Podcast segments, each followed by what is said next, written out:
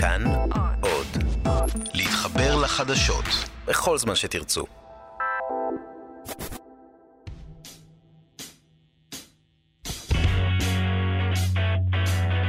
פוליטיקן, הסכת הבחירות של כאן חדשות.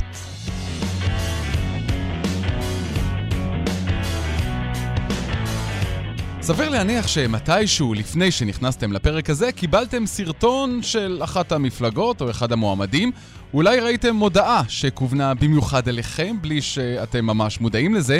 אולי עשיתם לייק או שיתפתם, וגם אם לא, אתם כבר מעורבים, פייסבוק והקמפיינרים יודעים עליכם את כל מה שצריך. שלום לכם וברוכים הבאים לפוליטיקן, פודקאסט הבחירות של כאן חדשות בדיגיטל, ואנחנו בפרק השישי נופלים ברשת על הבחירות והרשתות החברתיות. אופיר ברק עורך, הטכנאים גלית רום ויאיר ניומן, כאן באולפן רן בנימיני, ואיתי שתיים, פרופסור קרין נהון, מומחית לפוליטיקה של המידע במרכז הבינתחומי הרצליה, נשיאת איגוד האינטרנט הישראלי, שלום קרין. שלום, שלום. ונילי רייכמן, יועצת לאסטרטגיה ציבורית, לשעבר דוברת הליכוד, מי שניהלה קמפיינרים רבים, בין היתר יאיר לפיד, זהבה גלאון, שלי יחימוביץ' ואחרים, שלום נילי. שלום, שלום. עוד נדבר כאן על fake news ועל מניפולציות ועל איך מתאימים לכל אחד מאיתנו את המסר שלכאורה מתאים לו, אבל אני רוצה להתחיל דווקא מהסוף. האם על סמך ניתוח של הרשתות, עכשיו, בעיקר פייסבוק, אפשר לדעת עכשיו מי יהיה ראש הממשלה? אפשר לדעת מגמות, אפשר לדעת כיוונים, אתה לא יכול לדעת מנדטים, זה, זה, זה צריך להגיד את זה. אם אנחנו משווים את זה לסקרים הרגילים, למה שאנחנו מכירים, למן הצמח, למנו גבע וכל האחרים, אנחנו רואים שאין לנו יכולת בעצם להעריך בדיוק רב כמה כל אדם יקבל. אבל אתה כן יכול להרגיש שיש סחף לכיוון מסוים כשיש שינוי מגמה, וזה כבר לכשעצמו הרבה. מעבר לזה, אתה יכול בעיקר לראות כרגע אה, הזדהות של קהלים מסוגים שונים, גם עם דמויות מסוגים שונים בתוך המפלגה, אה, וגם בעיקר עם מסרים. אפשר לטייב את המסרים ברמה כזו שתוכל להתאים מסר מסוים לנשים, מסר מסוים לצעירים, אה, למבוגרים, ובעצם... בעצם תוכל באמצעות זה להבין את מקומך עוד לפני שאתה מגיע לישורת האחרונה של הקמפיין ולמסרים, לשורות האחרונות, לראות מה עובד, מה לא עובד ועל מי. היו מחקרים בעולם שבדקו אם יש מתאם בין כמות הלייקים והשארים, השיתופים, לבין מי שבסופו של דבר זוכה? כן, אנחנו עשינו מחקר כזה בעצמנו, אפילו השווינו את זה לבחירות שלנו בישראל, לקחנו כמה אה, סקרים וניסינו לראות אם הם תואמים. אגב, גם הסקרים פישלו, למי שזוכר, בבחירות 2015, ואתה לא רואה קורולציה באמת מסודרת. ולכן גם אתה רואה בכל העולם שנורא נזהרים מהעניין הזה. אבל כמו שאמרנו, אנחנו יכולים לראות דברים אחרים. אנחנו יכולים לראות איפה קמפיינר חזק, באיזה קהלים הוא חזק, את מי הוא צריך לטרגט או לעשות micro-targeting. כשאת אומרת לטרגט ו micro-targeting, למה את מתכוונת? זה דבר שאני דווקא מבקרת אותו בדרך כלל, אבל זה הכוונה היא שבעצם אתה מפלח, אתה מתמקד באדם הספציפי שאותו אתה מחפש. למשל, אם אתה חלש בקהלים מסוימים ואתה מחפש נניח אה, אישה מזרחייה בגיל 30 אה, שגרה במודיעין, אה, לצורך הדוגמה, אתה יכול ממש לטרגט ולהגיע לרשימה, לפלח ולהגיע לאותה גברת שנמצאת שם, ולכל אותן נשים שעומדות על ה, מה שנקרא בציפייה מול הקריטריונים האלה. ואיך אוספים את המידע הזה? או, כאן אתה מגיע כבר לנקודה היותר מסובכת. אה, כי פייסבוק יגידו לך, אנחנו בעצם לא מעבירים את המידע, אה, הערה מוסגרת, הניו יורק טיימס גילה שהם כן מעבירים ל-150 חברות מידע באופן גולמי. הם יגידו, אנחנו רק מחברים את הקמפיינרים והפוליטיקאים לא, אה, לאוכלוסייה שאותם מחפשים לפי קריטריונים שונים. בפועל הקמפיינרים לא מחכים רק לפייסבוק, הם בעצמם עושים scraping, הם בעצם אה, קוראים את המידע, באופן אגב שהוא נגד כללי השימוש של פייסבוק. אה, קוראים את המידע מעל הדפים של פייסבוק ולומדים מי הקהל. כל דבר שאתה אומר... כמו לכרות מחצבים. כמו לכרות מחצבים, רק מידע. מידע. אני אלמד מי אתה, מה אתה עושה, למי עשית לייקים, מה המשמעות. איך הם עושים את זה? אה, מבחינה טכנולוגית? כן. יש כל מיני, אה, אתה יודע, אתה, לעשות scraping יש פשוט, אתה כותב קוד, ואתה מת, פשוט מוריד את המידע על האנשים. הבעיה היחידה היא שהיכולות של הביג דאטה משתפרות כל הזמן, ואז אתה יכול בעצם להפיק המון מידע שהבן אדם לא יודע על עצמו. למשל, באיזה שעה אתה הרבה יותר אה, אה, פתוח לשמוע דעות אחרות? מי צריך לדבר איתך בשביל שתשמע את הדעות האלה? מתי משעמם לך? מתי משעמם לך? מתי אתה נוטה ללחוץ על הקליקים בלי לשים לב על הלייקים? כל זה יודעים עלינו. יודעים גם להגיע אליך איפה שאתה נמצא. פעם הקמפיינים היו נבנים על זה שהציבור יבוא לשמוע את המועמד. היום המועמד בא אליך ומשמיע לך באוזן או בכיס של הטלפון אה, בדיוק את המסרים שהוא רוצה, אחרי שהוא בדק האם אתה אה, מתעניין יותר בנושא חינוך. חינוך נגיד, או דווקא בנושא תרבות, ואכן יביא אליך את המסר הספציפי האחד אה, שתרצה, שהוא ירצה שאתה תשמע. אה, להבדיל, ראינו את זה בדוגמה קטנה, אפילו בפריימריז בליכוד, בסרטונים של גלעד ארדן, שייעד בעצם סרטונים לתומכי כל אחד מחבריו למפלגה. סרטון לתומכי ישראל כץ, סרטון לתומכי מירי רגב, אה, וכולי וכולי בין כל הסרטונים שהוא עשה. וככה הוא ייעד מסרים רלוונטיים לאנשים ש, אה, שמתחברים לדמות מסוימת, ובסרטון אחד הוא היה טיפה יותר נוקשה, בסרטון אחד הוא היה יותר מצחיק, ככה באופן שהוא פילח אה, וניתח את הקהלים אה, של אבל אנחנו די קלים על ההדק עם העניין הזה של המידע שקוראים עלינו. בואו, אה, זה, אתם, אתם מבינים שזה מידע עלינו שהוא בדרך כלל לא חוקי, שעושים את זה באופן לא חוקי בדרך כלל, ובדרך כלל גם אנחנו כמשתמשים לא יודעים את זה, וזה הפרת פרטיות גדולה. מה אנחנו... קורה בבחירות 2019? איך עושים את זה? איך עושים את זה? בעזרת פשוט תוכנות שקיימות בשוק, לא צריך היום כבר לתכנת... כולם עושים את זה? רוב הפוליטיקאים יעשו את זה, כי פוליטיקאי שלא יעשה את זה, יהיה בעצם עם יד קשורה מאחורי הגב. אה, אז הפוליטיקאים שלא עושים את זה, מראש יודעים ובמודע מבחינה אידיאולוגית אולי לא עושים את זה, אבל אז הם נמצאים, מה שנקרא, בחסר. כלפי... הם מאוד מוטרדים מזה. דיברתי היום עם מנהלת דיגיטל באחת המפלגות, שאמרה לי, אנחנו נהיה בסדר ונפעל על פי כל החוקים, ואנחנו די יודעים שהמפלגות האחרות לא יעשו את זה, ועל אף זאת בוחרים להתנהל תחת המסכת הזו, אבל יש כלים שהם במסגרת החוק שמאפשרים כן לצבוע תומכים, כן לדעת מי בשום אופן לא יהיה תומך שלך, על סמך תגובות שאנשים שמים, זאת אומרת, מידע שהוא חשוף, לא מידע שנאסף. אז אני רק אגיד שזה כבר לא נכון, כי פייסבוק סגרה את ה-API, את הקשר שלנו להוריד את הדאטה, ואז מה שקורה, הרבה מה, מהכלים האלה עושים את זה בצורה שהיא לא נכונה. אבל אמרת את זה, וזה נכון, הרבה מודאגים. אני נפגשתי עם, עם רוב נציגי המפלגות, אה, חוץ ממפלגת הליכוד, אה, שבחרו, אה, מה שנקרא, לא להגיב לעניין הזה, ובאמת כולם מודאגים, כולם מודאגים מכללי המשחק ומה יהיה עם fake news ועם בוטים ועם הרבה חשבונות שתפקידם יהיה בעצם לעשות מניפולציה לסדר היום ולשיח, וזה בעיה, זה הולכת להיות בעיה. המניפולציה הזאת באמת עובדת עלינו? הרי אנחנו יכולים להבדיל בסופו של דבר בין אולפן חדשות אה, של התקשורת הוותיקה, הממוסדת, לבין תעמולת בחירות כמו ליכוד TV. אנחנו יכולים להבדיל בין פייק לבין לא פייק. אתה יכול להבדיל. הרבה אנשים לא תמיד מבדילים בזה, הם רואים שיש כותרת של חדשות, וזה מבחינתם העניין. אני סתם גם אתן דוגמה, גם העניין המוסדי. היה חשבון בטוויטר שנקרא טנסי uh, GOP, שהוא עבד במשך שנתיים, וסנטורים, וטראמפ עצמו צייץ מתוכו ושיתף מתוכו, והכל היה בסדר, ועקבו אחריו מאות אלפי אנשים. אגב, הוא נחסם לפני שנה. הייתה רק בעיה אחת איתו, שהטנסי GOP היה אמור לייצג את ה-GOP, זה המפלגה הרפובליקנית, הוא היה אמור לייצג את המפלגה הרפובליקנית בטנסי. השיא, הייתה רק בעיה אחת, שמי שפתח את החשבון הזה והפעיל אותו היו הרוסים, ולכן הוא נסגר. אבל כולם צייצו ו- ושיתפו אותו והכול. אז, אז עוד פעם, היום יכולת המניפולציה היא מאוד גדולה. אפילו אני, שאני יחסית בתחום הזה, אני תמיד נדהמת לאיזה רמה יכול, אפשר להגיע על מנת להשפיע, לשנות את העדפות שלך, לשנות את, ה, את, ה, את ההצבעה שלך. ועוד פעם, לא מדברים על הבייסים. הבייסים סגורים כבר, אף אחד לא מטרגט את הבייסים. כולם מדברים על החבר'ה המתלבטים שמשנים את דעתם. אנחנו לא תנדדים. לשם את הולכת, נילי, כקמפיינרית. גם את עושה מניפולציות. תמיד עושים מניפולציות בקמפיינים. השאלה, תראה, אתה יכול לעטוף את האמת ב, ב, בדרך אה, שהולמת את המסר שאתה רוצה להעביר, אבל שם אני חושבת שעובר הקו, כי ברגע שאתה מתחיל לייצר המון המון המון אמיתות, בהכרח הן לא יכולות כולן עדיין להיות אמת. אה, אין אפשרות, בסופו של דבר, אם ניקח לדוגמה את הנאום של גנץ, הוא אמר הרבה דברים שנעמו להמון אוזניים, כמעט כל אחד יכל למצוא מסר את עצמו בנאום הזה, גם אם דעותינו שונות לחלוטין. היו, אה, היו מסרי צ'קליסט, מה שנקרא, נשמור על ירושלים מאוחדת, רמת הגולן אה, אה, ו, וגושי ההתיישבות הגדולים, והיו מסרים, מי שרצה לראות תקווה לשלום, מצא אותה, ומי שרצה לדעת שנעמוד על ביטחוננו, גם מצא את זה. אז תגלי לי סודות, מהקמפיינים שלך, מהעבר, המניפולציות ודברים שעשית ברשתות על המצביעים. אמ, בפריימריז האחרונים ראינו את הסרטון של גדעון סער, שנועד uh, לספק לו ככה עמידה איתנה אל מול ניסיון החיסול של בנימין נתניהו עשה לו. זה אותו סרטון שהשתמש בו גדעון סער גם ב- לפני שתי מערכות בחירות, בשנת 2008. Uh, אה, בפריימריז סרטון... נכון, סרטון שבו אה, נאום הסמרטוטים, עמידה איתנה אל מול לצורך העניין, אז זו הייתה ממשלת אולמרט, ציטוטים של בכירי הליכוד על איך גדעון סער חולל קסמים בכנסת עם אופוזיציה של 12 מנדטים. אותם סרטונים כי עבדו כל כך טוב.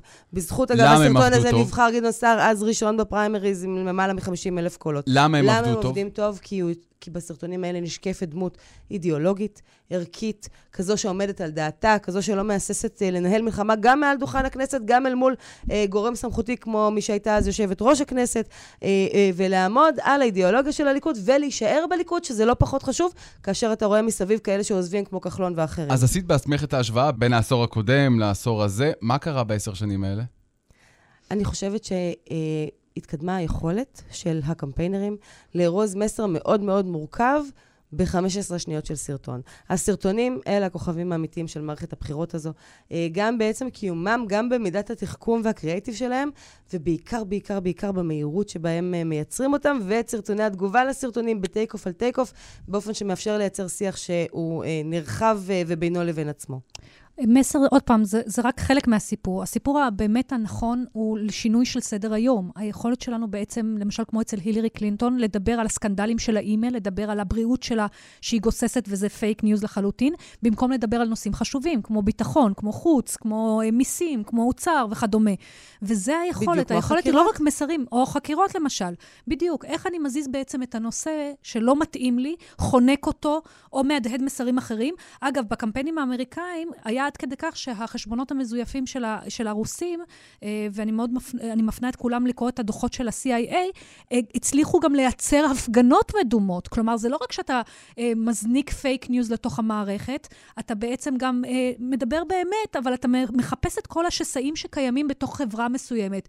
למשל, במקרה האמריקאי זה היספנים, שחורים, נשים. אבל אז אתה כן מדבר על ה base. זה בדיוק מה שעשו בקמפיין של טראמפ. הם בעצם פילחו את, ה, את האנשים במידה כזאת של מה מעורר אותך, מה, מה מייצר נכון, תגובת נגד, נכון, אבל הם לא רק דיברו ל base. ואיך אנחנו נגרום לך גם לייצר את הבאז הזה שדיברנו עליו בהתחלה, את הבאז הזה ואת המומנטום, כדי שיצטרפו לך עוד ועוד ועוד אנשים. נכון, אבל, אבל הם נגעו לא רק בבייס, כמובן שהם נגעו גם בבייס, הם נגעו גם במתלבטים, שנגעו להם, מה שנקרא, בנקודות הכי רגישות. ואצלנו בארץ לא חסרים שסעים, כפי שאתם יודעים, נאום השבטים של, של ריבלין. אבל את מזהה אותן מניפולציות שקרו בארצות הברית כאן אצלנו?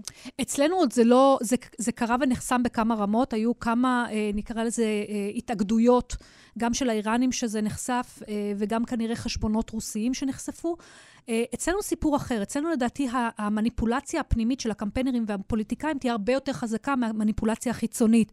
כלומר? וזה, זה מאוד פשוט. החברה שלנו היא חברה מאוד דחוסה. אנחנו חברה שאנחנו יכולים מאוד בקלות להגיע מאחד לשני. אנחנו גם מאוד מהר יודעים כשמשהו פייק. בניגוד למדינה כמו ארה"ב, שהיא מאוד מבוזרת, מאוד גדולה, היא בנויה מהמון קהלים קטנים שהם קהלים שמדברים אחד אה, עם השני, אה, אבל בעצמם, כלומר בתוכם.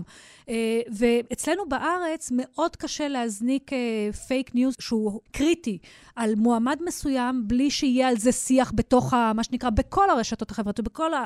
אה, אבל הנה, ראינו את זה, מה שכונה עלילת הכזב של בנימין נתניהו, אל מול גדעון סער, אוקיי, ובא הוא אומר, אה, גדעון סער זומם מזימה, באו וסיפרו לי, דוגמה נהדרת. היא דוגמה נהדרת כי זה לא רק אה, בוטים, פה עומדים מנהיגים מאחורי זה שמוציאים fake news, אבל זאת דוגמה נהדרת. היו גם בוטים במקרה נכון, הזה. נכון, נכון. אבל, אבל פה עמד נתניהו בקולו פעמיים ואמר, מנסים לרקום עלילה... בגרסה מתפתחת, כן. לגמרי. ובמקרה הזה, אגב, מי שמסתכל על הנפח אה, בתוך הרשתות החברתיות, רואה שהדיון שה, של נתניהו זה, זה נכון לאוכלוסיות מאוד מצומצמות שהלכו עם הסיפור. אה, זה לא אומר שלא דנו בזה, אנשים דנו בזה כי ביקרו את זה, אבל בסך הכל מי שהאמין בזה, זה, רואים גם את התוצאות, אגב, בפריימריז היום. אני רוצה רק לפתוח לשנייה סוגריים, למי מהמאזינים שלנו שלא יודע מה זה בוטים, תסבירי, וגם את ההקשר הישראלי. אוקיי, okay, אז uh, בוטים בעצם זה, זה תעמולה מחשובית, זה בעצם אלגוריתם שנועד לדמות אנשים רגילים.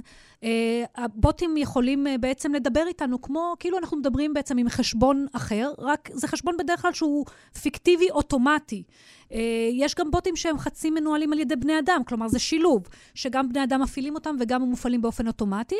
והבוטים, ככל שאתה, יש לך יותר יכולות של בינה מלאכותית, של מה שנקרא יכולות מחשוביות, אתה יכול להשתמש בבוטים לדברים יותר מתוחכמים, על מנת, עוד פעם, לשנות את, את הדעה של זה שעומד מולך.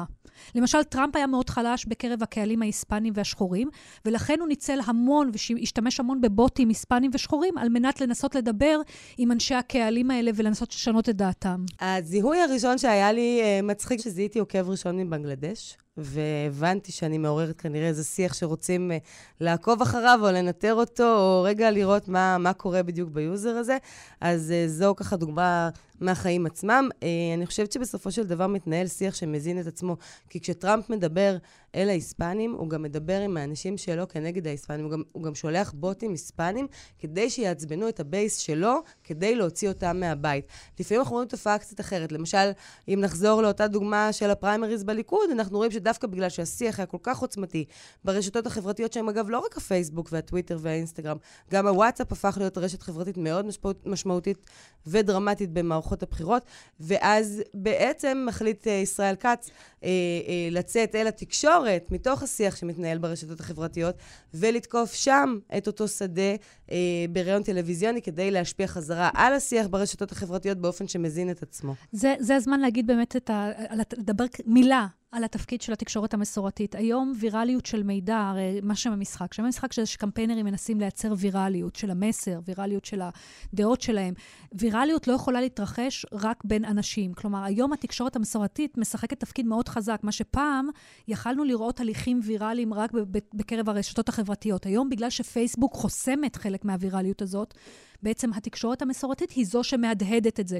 ולכן ישראל כץ וגם uh, גדעון סער יוצאים בעצם לתקשורת המסורתית כמשהו שמשלים בעצם את המסרים שמנסים להעביר לבוחרים שלהם בתוך uh, מה שנקרא מתפקדי הליכוד. או מקרה הפוך, אם ניקח למשל את ההתבטאות של uh, חבר הכנסת דודי אמסלם על גנץ, שהוא קורא לו ככה ב... אוטיסט, ויאיר לפיד מרים את הדבר הזה מהתקשורת הממוסדת אל הרשתות החברתיות, ושם אה, מכלה את זעמו בדודי אמסלם אה, ויוצא בהגנה על ביתו. שיח שחוזר שוב, חזרה אל התקשורת נכון. המסורתית, שם דודי אמסלם מתנצל.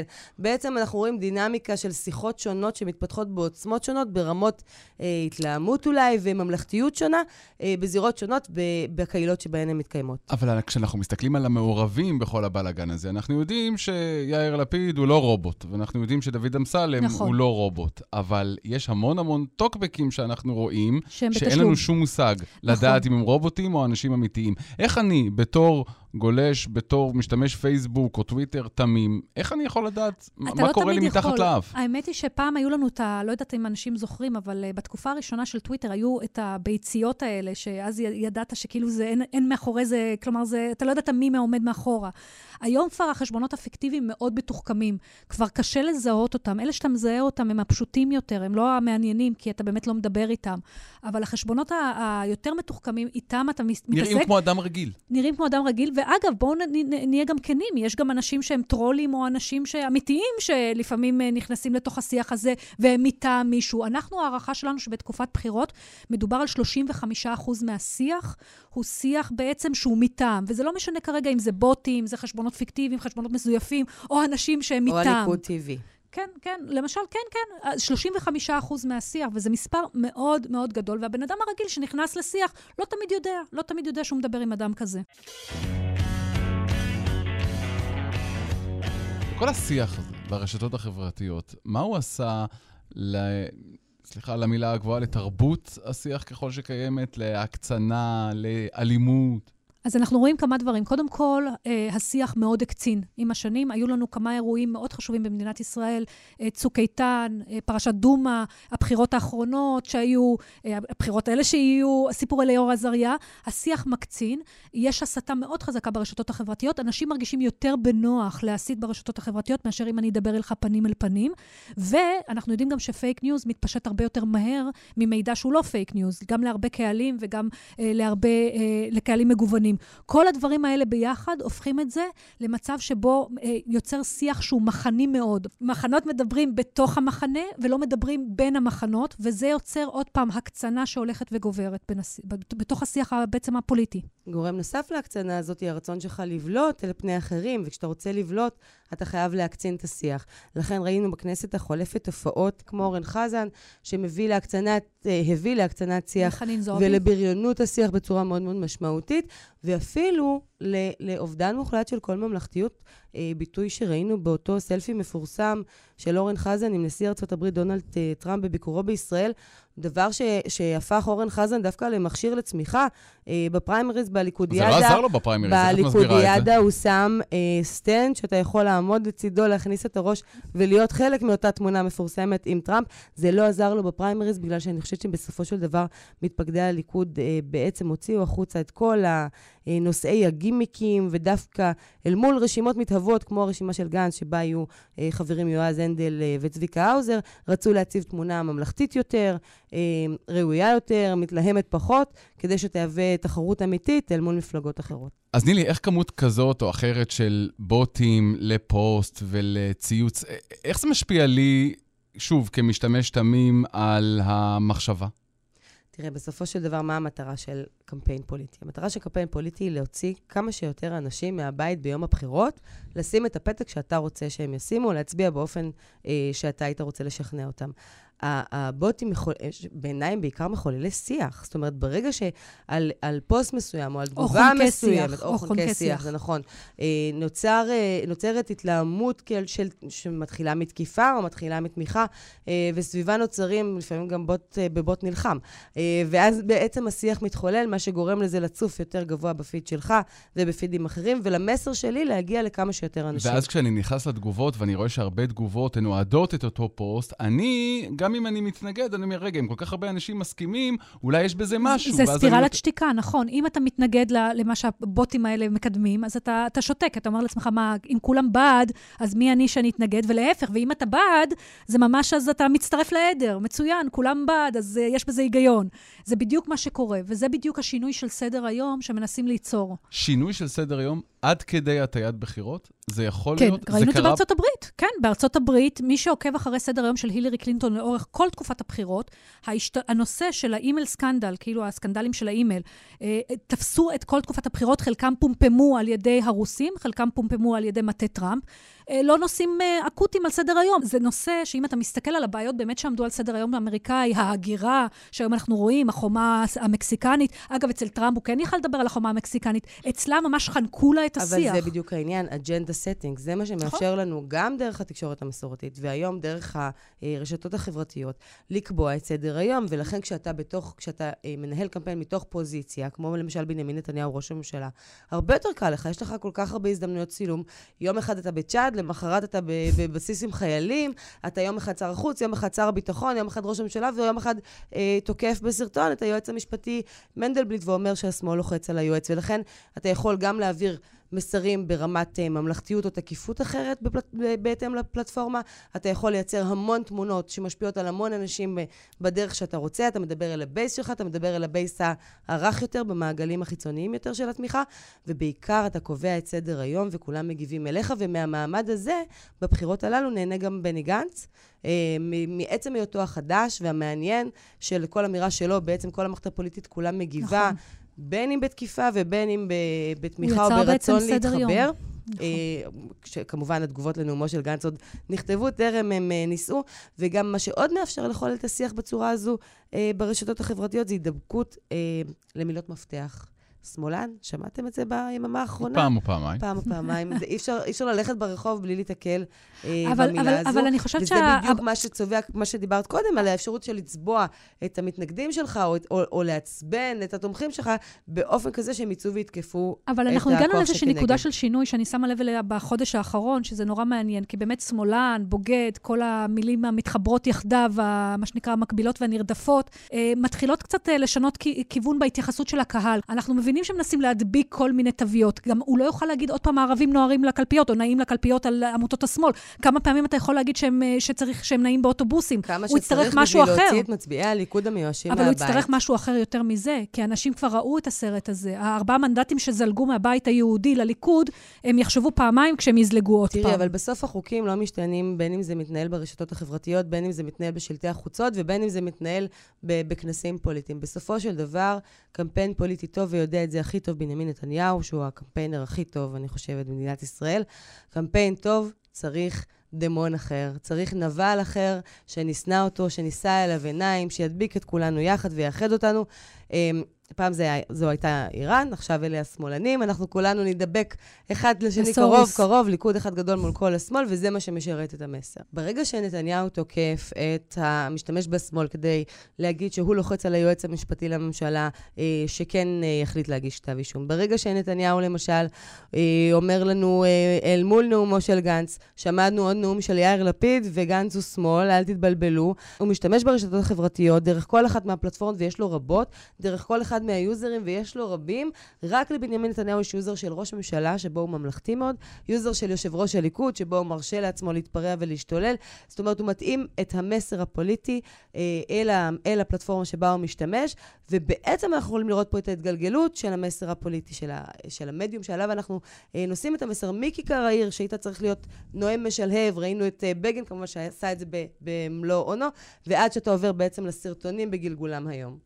אה, אז יש חשבונות שונים שבעצם משתמש בהם נתניהו, אבל הוא לא רק משתמש בחשבונות שלו, הוא גם משתמש בחשבונות של תומכים, שכל הזמן מפמפמים את העניין. אם למשל אה, יאיר נתניהו בטוויטר, או מצטטים ממידה, או מצטטים מפעילי ליכוד כמו משה איפרגן, או למשל גם משתמשים בעמותות מסוימות. אה, בתחקיר של אורי בלאו, מסתבר שאם תרצו, הייתה זרוע מסוימת של תעמולה של נתניהו, לפי התחקיר הזה. אז כלומר, יש פה בעצם מרחב שלם של להשתמש בתעמולה.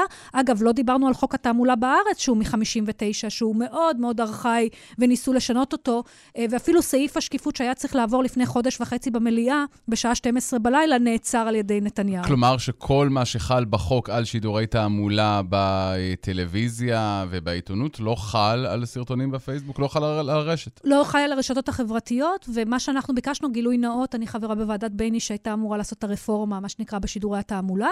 אה, אנחנו ביקשנו להכיל בעצם סעיף שקיפות שאומר אומר שאם יש טוקבק בתשלום, אם יש אה, בעצם פוסט או אה, פרסומת, יהיה כתוב, אה, כמו אצל האמריקאים, הרי זה מטעם מפלגת X. כלומר, לייצר איזשהו מצג, אה, לא, לא מצג שווא, אלא שאנשים יוכלו לראות ולהבין מי עומד מאחורי הסיפור הזה. כמובן, לזה הייתה התנגדות.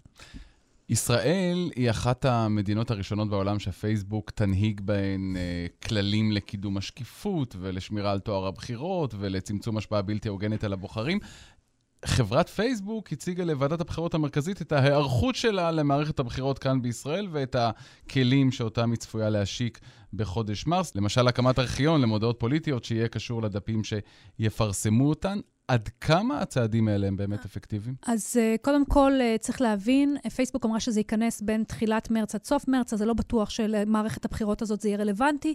אנחנו לא מהמדינות הראשונות. יכול להיות שכל זה בכלל לא יהיה, קשור, לא, לא נכון, יהיה תקף עד נכון. יום הבחירות. אז קודם כל צריך לעשות גם סדר בבלגן. לא מדובר על כל מודעה פוליטית, מדובר על מודעות בתשלום דרך פייסבוק, שזה מספר מאוד מועט של, של כל העולם התעמולה. עולם התעמולה הוא רץ בוואטסאפ, באינסטגרם, בפוסטים שהם פוסטים שאנשים מעלים אותם, משתפים וכדומה.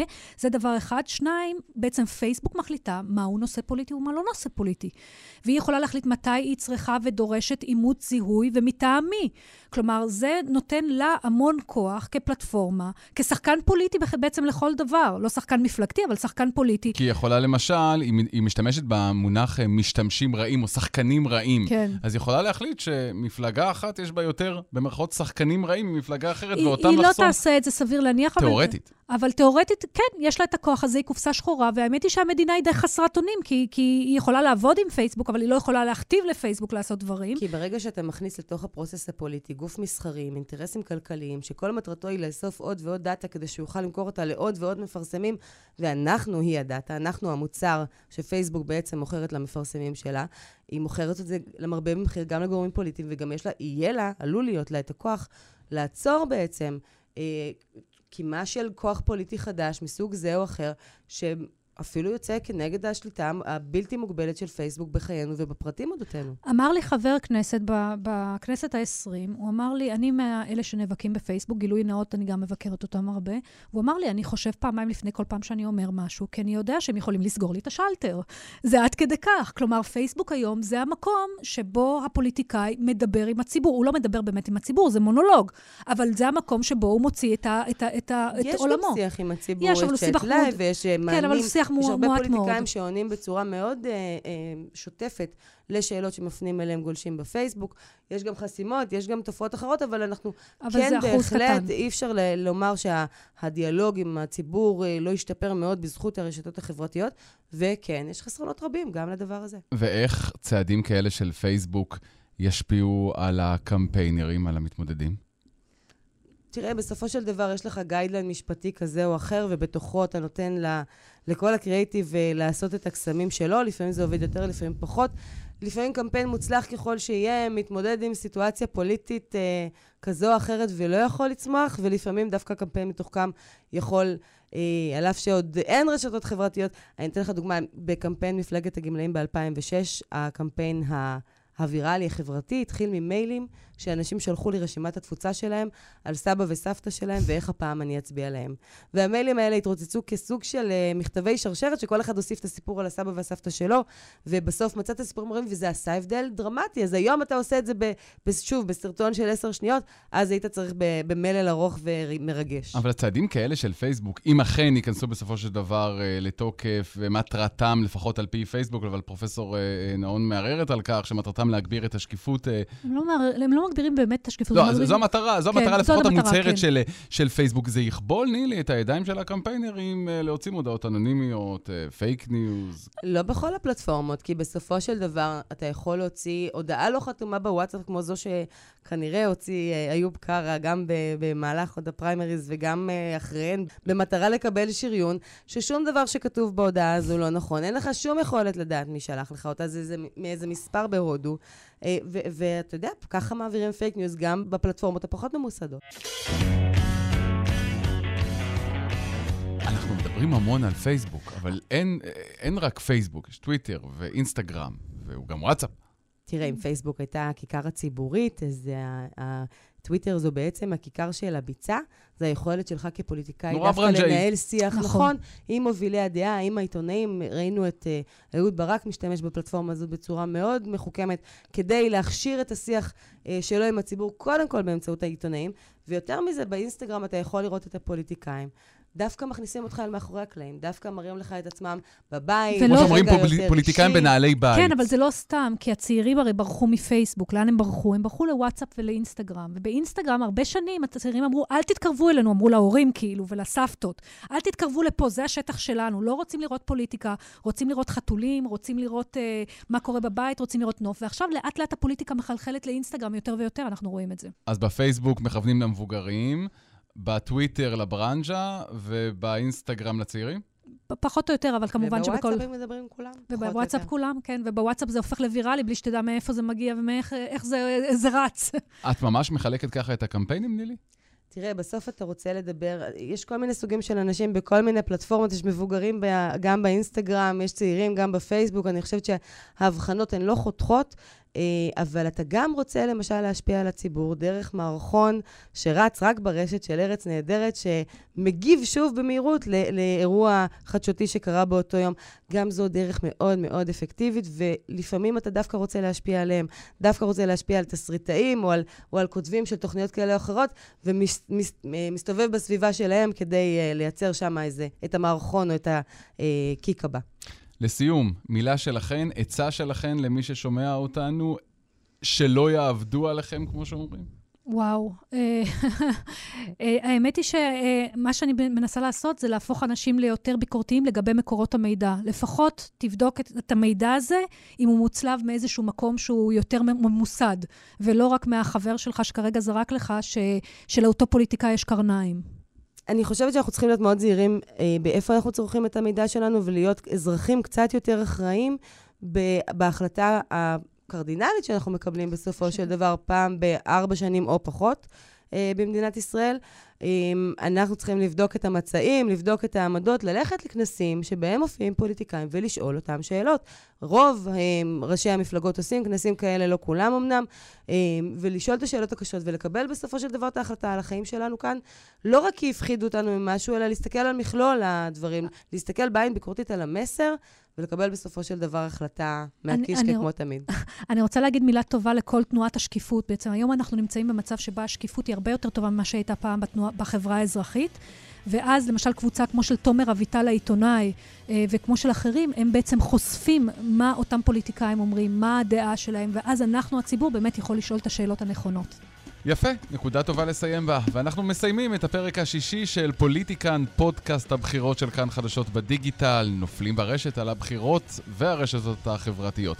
אופיר ברק עורך, הטכנאים גלית רום ויאיר ניומן, כאן באולפן רן בנימיני. תודה לכן, פרופסור קרינה הון, מומחית לפוליטיקה של המידע במרכז הבינתחומי הרצליה. תודה, תודה. ותודה נילי רייכמן, יועצת לאסטרטגיה ציבורית, לשעבר דוברת הליכוד ועוד קמפיינים. תודה רבה לשתיכן. נתראה בפרק הבא של פוליטיקן. ביי. Bye.